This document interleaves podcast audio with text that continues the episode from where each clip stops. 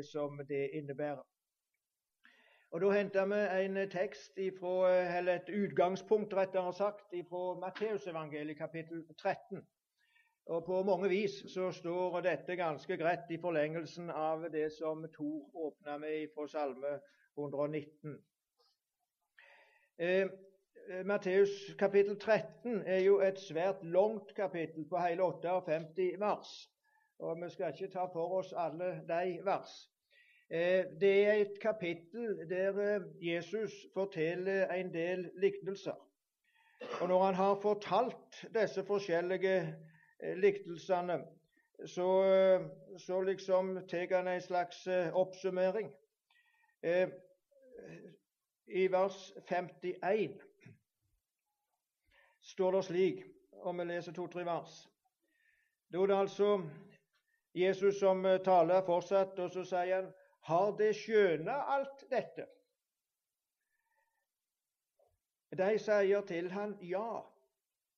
Da sa han til dem, derfor er hver skriftlærd som er opplært for himmelriket, lik en husbond som bærer fram nytt og gammelt av det han har gjemt. Og det hendte da han hadde enda disse liknelsene, da drog han bort derifra. Har det skjøna alt dette? Spør han, når han nå har talt til dem. Og Det er nok et eh, spørsmål som det elever vil komme til å få inniblant når vi er ute i timene, og kanskje mot slutten av noen timer eller et tema. Så spør læreren har du forstått dette nå. Har de skjønt alt dette? Det er læreren sitt spørsmål. Og Forhåpentligvis så blir det inniblant iallfall dette svaret ja. Men andre ganger så blir nok svaret sikkert nei. Dette var for vanskelig. Eh, dette var ikke enkelt å få tak på. Men det er altså viktig å skjønne.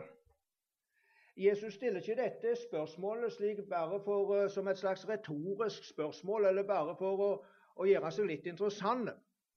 Men han altså spør og konkluderer etter han har nå talt mange forskjellige liknelser, så, så, er dette som han ender opp i å spørre, har det skjønne alt dette? La meg bare få ta en rask, eh, rask gang i eh, dette som, eh, som eh, Matteusevangeliet har, eh, har framme. Eh, det begynner med dette kapittel 13, altså. Det begynner med denne liknelsen som omtales som såmannsliknelsen. Det er i det hele et kapittel om Guds ord eh, der Jesus taler, og det er et kapittel om virkningene av dette. Dette som eh, er, er det første del, altså, som er det vi kaller såmannsliknelsen, der det er fortalt om disse forskjellige Eh, jord som, som såkornet faller i. Noen, eh, noe av jorda er god, og noen dårlige, litt forskjellige typer. Det taler altså om måten ordet blir mottatt på. Eh, problemet i såmannsliktelsen er ikke det som blir forkynt. Det er helt korrekt alt. Problemet er at noe blir mottatt på rett vis, mens andre ikke blir det. Det vil si at når det òg blir forkynt og undervist Guds ord, så er det somme tider vi klager på forkynnelsen og undervisningen at denne er feil fordi at det bærer så lite frukt. Og det kan jo være rett. Men forkynnelsen og undervisningen kan være rett. Men den bærer på tross av det ikke si rette frukt, fordi den hjertejorda som det faller i, er det noe galt med. Det er det primære som denne såmannslignelsen lærer oss. Ordet må bli mottatt. Så er det talt om ugraset som vokser i lag med kveiten. Og det minner oss om at det alltid er fare for noe falskt som sniker seg inn der Guds ord blir forkynt. Og så er det tale om at Guds ord er som et sennepsfrø og det er tale om en surdeig. Det vil si at det er snakk om ordets virkekraft. Ordet har sin kraft. Det virker. Og det er i dette kapitlet talt om en skatt og ei perle. Det vil si at det Guds ord gir oss, det Guds ord forkynner oss, det er verdifullt. Det er noe som det virkelig er, er, er grunn til å leide etter og finne fram til å ta vare på. Og så er det talt om at det blir kasta ut en not, og det blir fanga fisk i nødene, som taler altså om at det er en tjeneste med dette ord. Et innsamlingsarbeid som skal vise igjen sitt resultat på den eh, siste dag. Dette som han da forkynte, og der han altså stilte dette spørsmålet om de hadde forstått det, det var òg slik at det står at når han da gikk derifra og kom til heimstaden sin, og så lærte han òg der i synagogen, og så hette det at de ble oppe i undring av eh, dette som de hørte og så. Hvor har han slik visdom fra og slike, og slike kraftige gjerninger? Undra seg disse som, som eh, var naboene hans der han var voksen opp. Og så spør de seg er ikke han her karen sønnen til denne tømmermannen. Det er Josef. Heter ikke mora hans Maria? Og brødrene hans Jakob og Josef og Simon og Judas. Og søstrene deres, han sier de, er de ikke alle her hos oss? Hvor har han alt dette ifra? Og Det ender jo opp med at de ikke vil høre noe på han faktisk, selv om de er oppe i undring over lærdommen hans og de kraftige gjerningene hans, slik at Jesus får gjort lite og ingenting på sin heimplass. Ja, De stiller altså dette spørsmålet hvor har han alt dette ifra? Jo, han har det ifra himmelen. Han har det ifra Gud. Og så kommer han med det som det vi hadde en time her eh, før helga som den første timen eh, for elevene. Og der jeg talte noe om, om Bibelen Hellig Ånd, og understrekte én ting som dere skulle minnes. Klarer dere å minnes dette nå? Dette at Guds ord er åpenbaring. Håper dere minnes så langt som til før helga på akkurat det. Guds ord er åpenbaring, og åpenbaring er dette at det kommer et budskap ifra himmelen. Det er en kunnskap Gud i himmelen sitter på, og som Han gir til vår jord.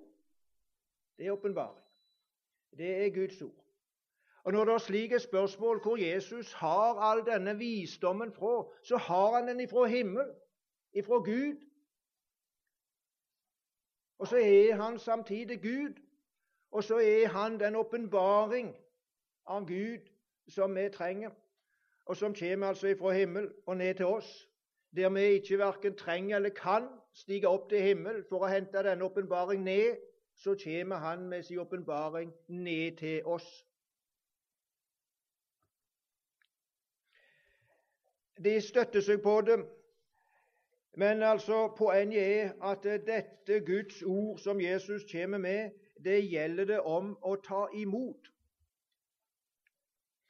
Jeg leser nettopp for litt siden 8. august i denne andagsboka til Egil Sjåstad, som er bruker hos oss hjemme. Og Der har overskriften 'Et tragisk ord'. Og Der forteller han at Melankton, som var jo eh, Luther sin nære medarbeider, en gang sporer Luther hva er det mest tragiske ord i Bibelen. Det var jo egentlig et litt løye spørsmål. Og det kunne jo sikkert svares forskjellig på det. Men Luther han svarte det mest tragiske ord er dette, og fuglene kom og åt det opp.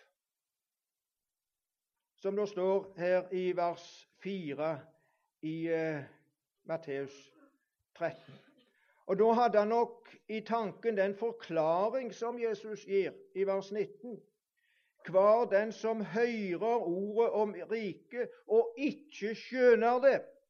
Til han kjem den vonde og røver det som er sådd i hjertet. Det er dette som er sådd langsmed vegen. Den som ikke skjønner det,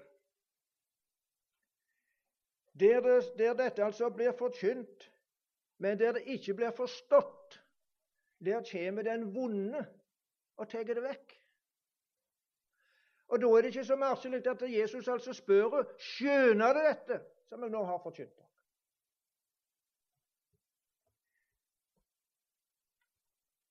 Det tragiske var altså at de ikke skjønte slik at det ble tatt ifra dem. Og Hvis vi da skulle tenke det motsatt vei og spørre etter det mest positive eller gledelige eller oppmuntrende ord, så kunne jo det være det motsatte ordet i denne teksten som står i vers 23. Men den som blir sådd i den gode jorda, er den som hører ordet og skjønner det. Han gjev grøde, og en gjev hundrefold, en sekstifold og en trettifold. Den som hører og skjønner, er den gode jord. Er den som er sådd i den gode jord. Og den gir altså òg grøde, står det. Og Da gjelder det for oss som Guds folk, og nå særlig for dere som skal være elever her ved bibelskolen i vinter, at det er den gode jord som er vår hjertejord. Den jord som hører og som skjønner.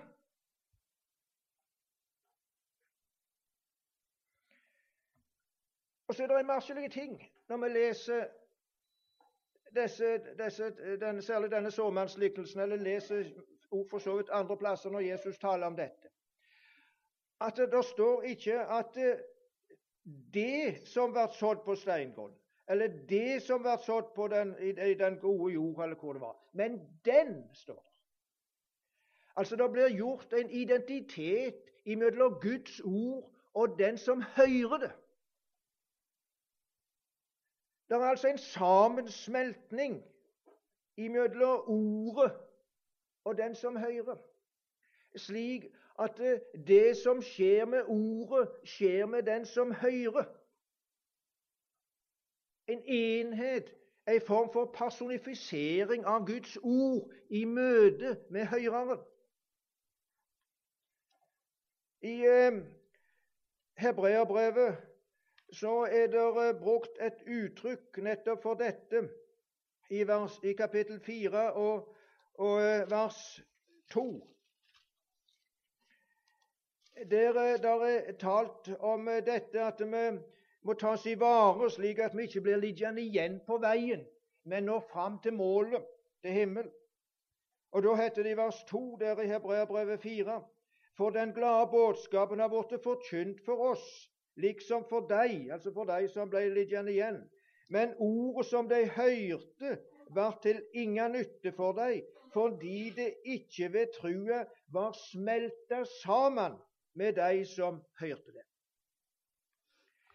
Det er målet med Guds ord og med forkynnelsen, og ved at vi hører og lærer Guds ord, at Guds ord får smelte sammen med oss, slik at det kan sies om oss som sies om Guds ord.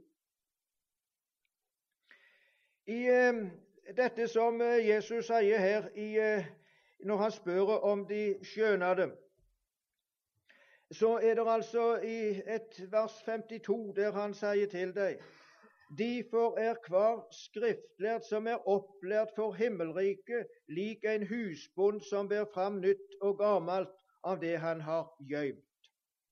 Her er det talt om noe som er likt, som er opplært for himmelriket. Opplært, altså det taler jo om en form for undervisning. I min, en tidligere bibeløversettelse som jeg hadde, så står det at det er himmelriks skul. Opplært for himmelriks skul, står det. Slik at himmelriket er, er omtalt som en skole som en blir opplært i. Eh, det må jo være den ypperste, for, i ypperste forstand en bibelskole. Himmelriksskole. Og da er lærerne bør jo da være som disse skriftlærde her, som samtidig er omtalt som en husbonde, der, eh, der læreren i denne himmelriksskolen og i bibelskolen er som en skriftlærd, som en husbonde som henter fram nytt og gammelt. Og Det er det store mål egentlig med bibelskolen. Og det er det store mål med alt kristent arbeid og kristen forkynnelse og forsamlingsarbeid. At det blir henta fram nytt og gammelt. Nytt og gammelt ifra himmelriksskuen. Vi har altså som arbeidere og som forkynnere den oppgave å være som, husbøn, som, som bønder, en husbonde, som henter fram nytt og gammelt. Det er altså noe som er gammelt, dvs. Si det er kjent. Og Slik vil det jo ofte være når vi sitter i et møte og hører Guds ord forkynt. Her var mye kjent. Det var mye gammelt. Men det gamle skal altså hentes fram. Og Når dere elever er på bibelskolen her nå, så vil det være en del av det som dere lærer, som er kjent. Dette visste dere fra før. Det blir en form for repetering og påminning, men det er altså nødvendig. For det skal òg hentes fram gammelt. Vi må stadig høre Guds ord forkynt, og det vi mener oss å, kunne. Må stadig legge seg inn i våre hjerter på nytt. Derfor skal vi heller også som forkynner Guds ord ikke være redde for å gjenta oss sjøl. Det gjør jo politikerne til de grader, særlig nå i disse valgkampene. Men vi føler jo somme tider at vi må stadig si noe nytt. Det føler tydeligvis ikke de.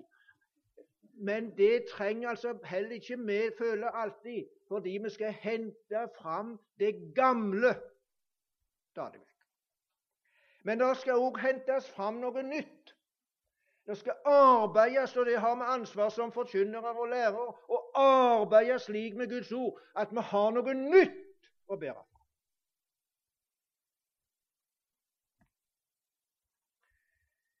Det vil si at det er noe nytt som utvikler kunnskapen og erkjennelsen. Og Forhåpentligvis så vil det skje det på bibelskolen. Jeg er temmelig sikker på at det vil skje. At dere som elever opplever at her var det noe nytt. Noe som utvikler og utvida min kunnskap og min kristne erkjennelse. Fordi dette med å skjøne det går til noe dypere enn å få ny kunnskap. Det går inn på vårt erkjennelsesliv, vårt tankeliv, vårt samvittighetsliv, vårt overbevisningsliv. Og det kan være problematisk når Gud gjør noe nytt inni vårt liv, på vårt erkjennelsesliv. Både når Han skaper en ny erkjennelse av vår egen gamle natur, som han til tider gjør litt ekstra av, òg ikke oss som har passert 60 år. Og skape ny, noe nytt i erkjennelsen av vårt syndefordarv, vår ufullkommenhet og alt som kleber slik sett med oss. Men det er nødvendig. Det skal hentes fram noe nytt som skaper en erkjennelse av vårt gamle menneske. Men så hentes det òg fram noe nytt som skaper en dypere erkjennelse av hvem Kristus er. Hva Han har gjort for oss, hva evangeliet er, hva frelsen er. Og så er poenget Skjønner du dette? Det sporer Jesus om. Det kan til tider være krevjende. Og Nå skal naturligvis vi som er lærere på bibelskolen, gjøre hva vi kan rent pedagogisk for å legge dette til rette så godt som mulig. Og Noen ganger så klager jo elevene på at vi er for dårlige pedagoger. Og det har de sikkert helt rett i. Eh, men de har ikke alltid rett. Fordi det er noe som gjelder dette å arbeide med Guds ord for å få tak i det. Det å skjønne noe, det krever noe av den som skal skjønne det. Det er krevende, det. Og det at en, så sier en sommertid at det var så vanskelig, det kan det være. Men det er ikke slik nødvendigvis at en ny kunnskap er vanskelig, men den er ny. Og det som er nytt, må vi ofte arbeide noe med for å tilegne oss. Det gjelder jo når en skal studere til lærer eller til sykepleier eller til filosof eller hva det måtte være. så må en jo arbeide med det nye stoffet for at en skal skjønne. Og når en må arbeide med Guds ord for at en skal skjønne. Og Derfor er det òg en nødvendig bønn inn i dette. Som eh, jeg var så vidt òg innom til dere elever i, eh, i, denne første timen her før helga. I, eh, i, i Efeserbrevet, kapittel 1 og i kapittel 3 Du har egentlig den samme bønna i sak to plasser der i Efeserbrevet. Efeserbrevet 1, 17-19, og du har det samme i realiteten i kapittel 3, 16-19. Men nå tar vi det første. Der sier Paulus, jeg ber om at vår Herre Jesu Kristi Gud, herligdommens Far, må gi dere visdom og åpenbaringsande til kunnskap om seg, og gi dere og opplyste øyne, så det kan skjøne hva for von Han har kalla dere til, hvor rik på herligdom Hans arv er mellom de hellige, og hvor overvettet stor Hans makt er for oss som tror, etter virknad av Hans veldige kraft. Paulus ber om at de må få visdoms- og åpenbaringsande og kraftsånd for at de skal se og skjønne det som er, ligger i Guds ord. Og Dette skal altså skje inn i det som her er omtalt som himmelriks, himmelrike eller Guds rike. Og hva er himmelriket eller Guds rike for noe? Bare ganske kort. Det kunne vi talt lenge om. Men dette himmelriket, det er for det første sjølve frelsens rike. Guds rike er frelsens rike.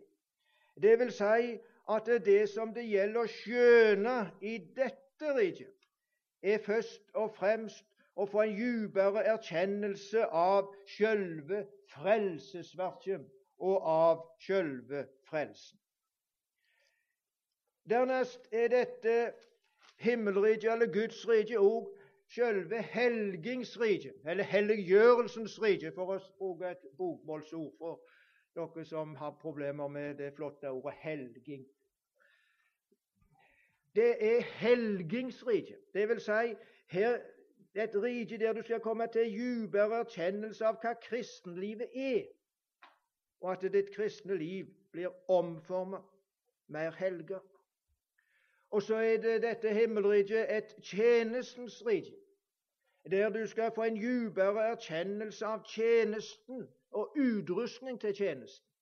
Og Det er jo flott at jeg nå er kommet i gang med dette, kommer i gang med dette andreårskursåret her som særlig sikter på dette, den sida ved Guds rike.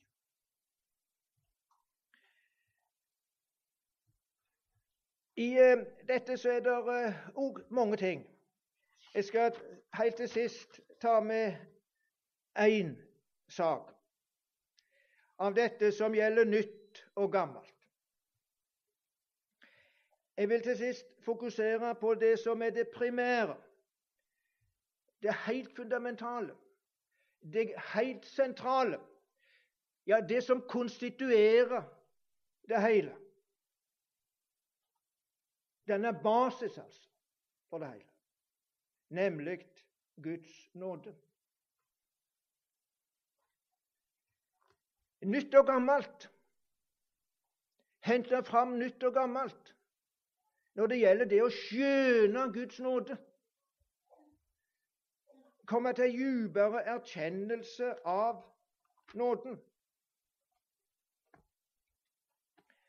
I eh, klagesangene så står jo av alle plasser Det vil si, det er nokså naturlig at det står der. De eh, mest sentrale ord, om vi skal si det slik, om Guds nåde, nettopp ut ifra det perspektiv som vi nå taler om. Klagesangene de har jo mye i seg, som navnet sier, om klage. Og så gjelder det om å finne ei løsning på dette. Og Da heter det jo som kjent, og det er jo stort sett de versene som blir sitert fra klagesangene, de som jeg nå leser, kapittel 3, vers 21-24. Dette vil jeg ta meg til hjertet, sier han. Derfor vil jeg vone Og så står det et kolon. Herrens nåde er det at det ikke er ute med oss. Hans miskunn har ennå ikke tatt slutt. Hun er ny hver morgen. Din truskap er stor. Herren er min del, sier min sjel. Derfor voner jeg på Han.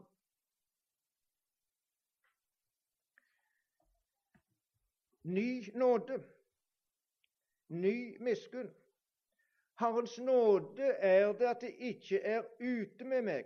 Hans miskunn har ennå ikke tatt slutt. Og Ordet for nåde og miskunn er egentlig ett og det samme. Det er bare nyanser i det. Alt faller tilbake på Guds nåde. Og da gjelder det for oss å skjønne, få innsikt i, det kommer til erkjennelse av hva Guds nåde er. Og der vet jeg noe. Det er noe gammelt. Hadde jeg spurt noe hva Guds nåde er, så hadde jeg fått en del svar. Og jeg vil tippe at alle hadde vært rette. Iallfall langt på vei. Men jeg er samtidig temmelig sikker på at det som den enkelte hadde svart, kunne utfylles ganske betydelig med noe nytt. Og så står det her om denne nåde eller miskunn. Hun er ny hver morgen.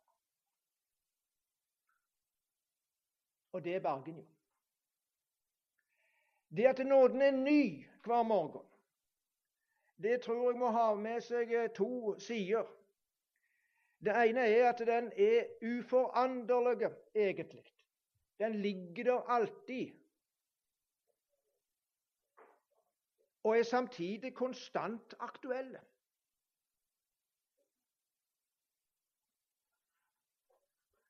Og i dette hviler sjølve livet. Nåden, den er både ny og gammel. Den er den samme som alltid gjør seg gjeldende for oss.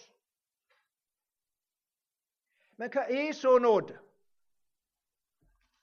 Ja, Nå skal jeg avslutte med et ord om det, der ordet nåde ikke er brukt men som illustrerer hva nåden er, etter mine begreper, på det beste. Og Det henter jeg fra apostelgjerningene kapittel 7.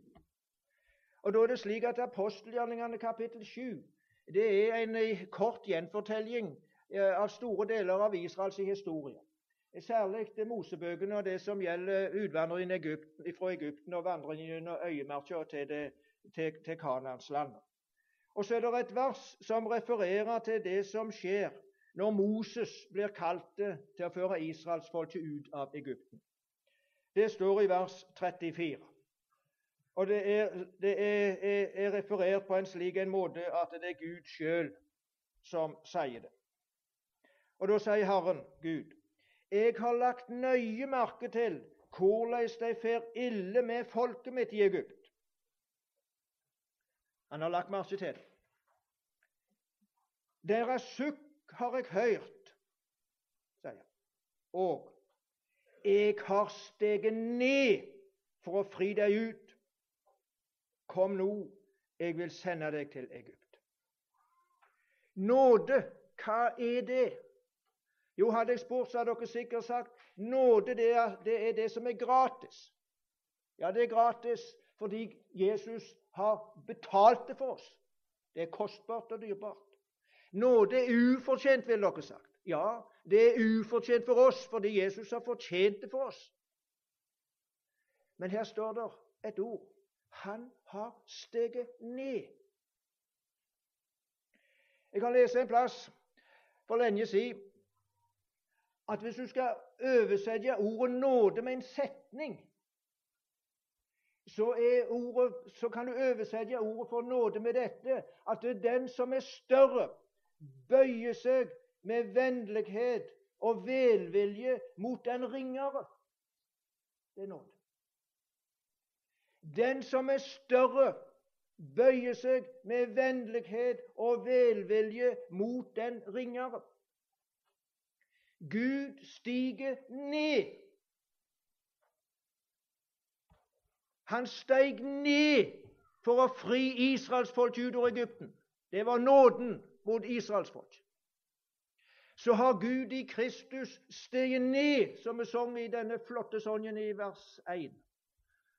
Gud steig i Kristus ned, den evige, den hellige, den allmektige, den veldige Gud, som over alt Han stiger ned til den ringeren, til synderen, til den som er fiende av Gud, til den ugudelige. Og han gjør det i Kristus, i vennlighet og med velvilje. Ut ifra seg sjøl og sin egen kjærlighet. Og han stiger så djupt ned at han stiger ned under de synd, under mi synd, under verdens synd. Og så tar han vår synd med alt som ligger i den, med seg opp og opp på et kors og soner for vår synd. Ved at Guds dom og vrede der rammer Kristus. Det er nåde.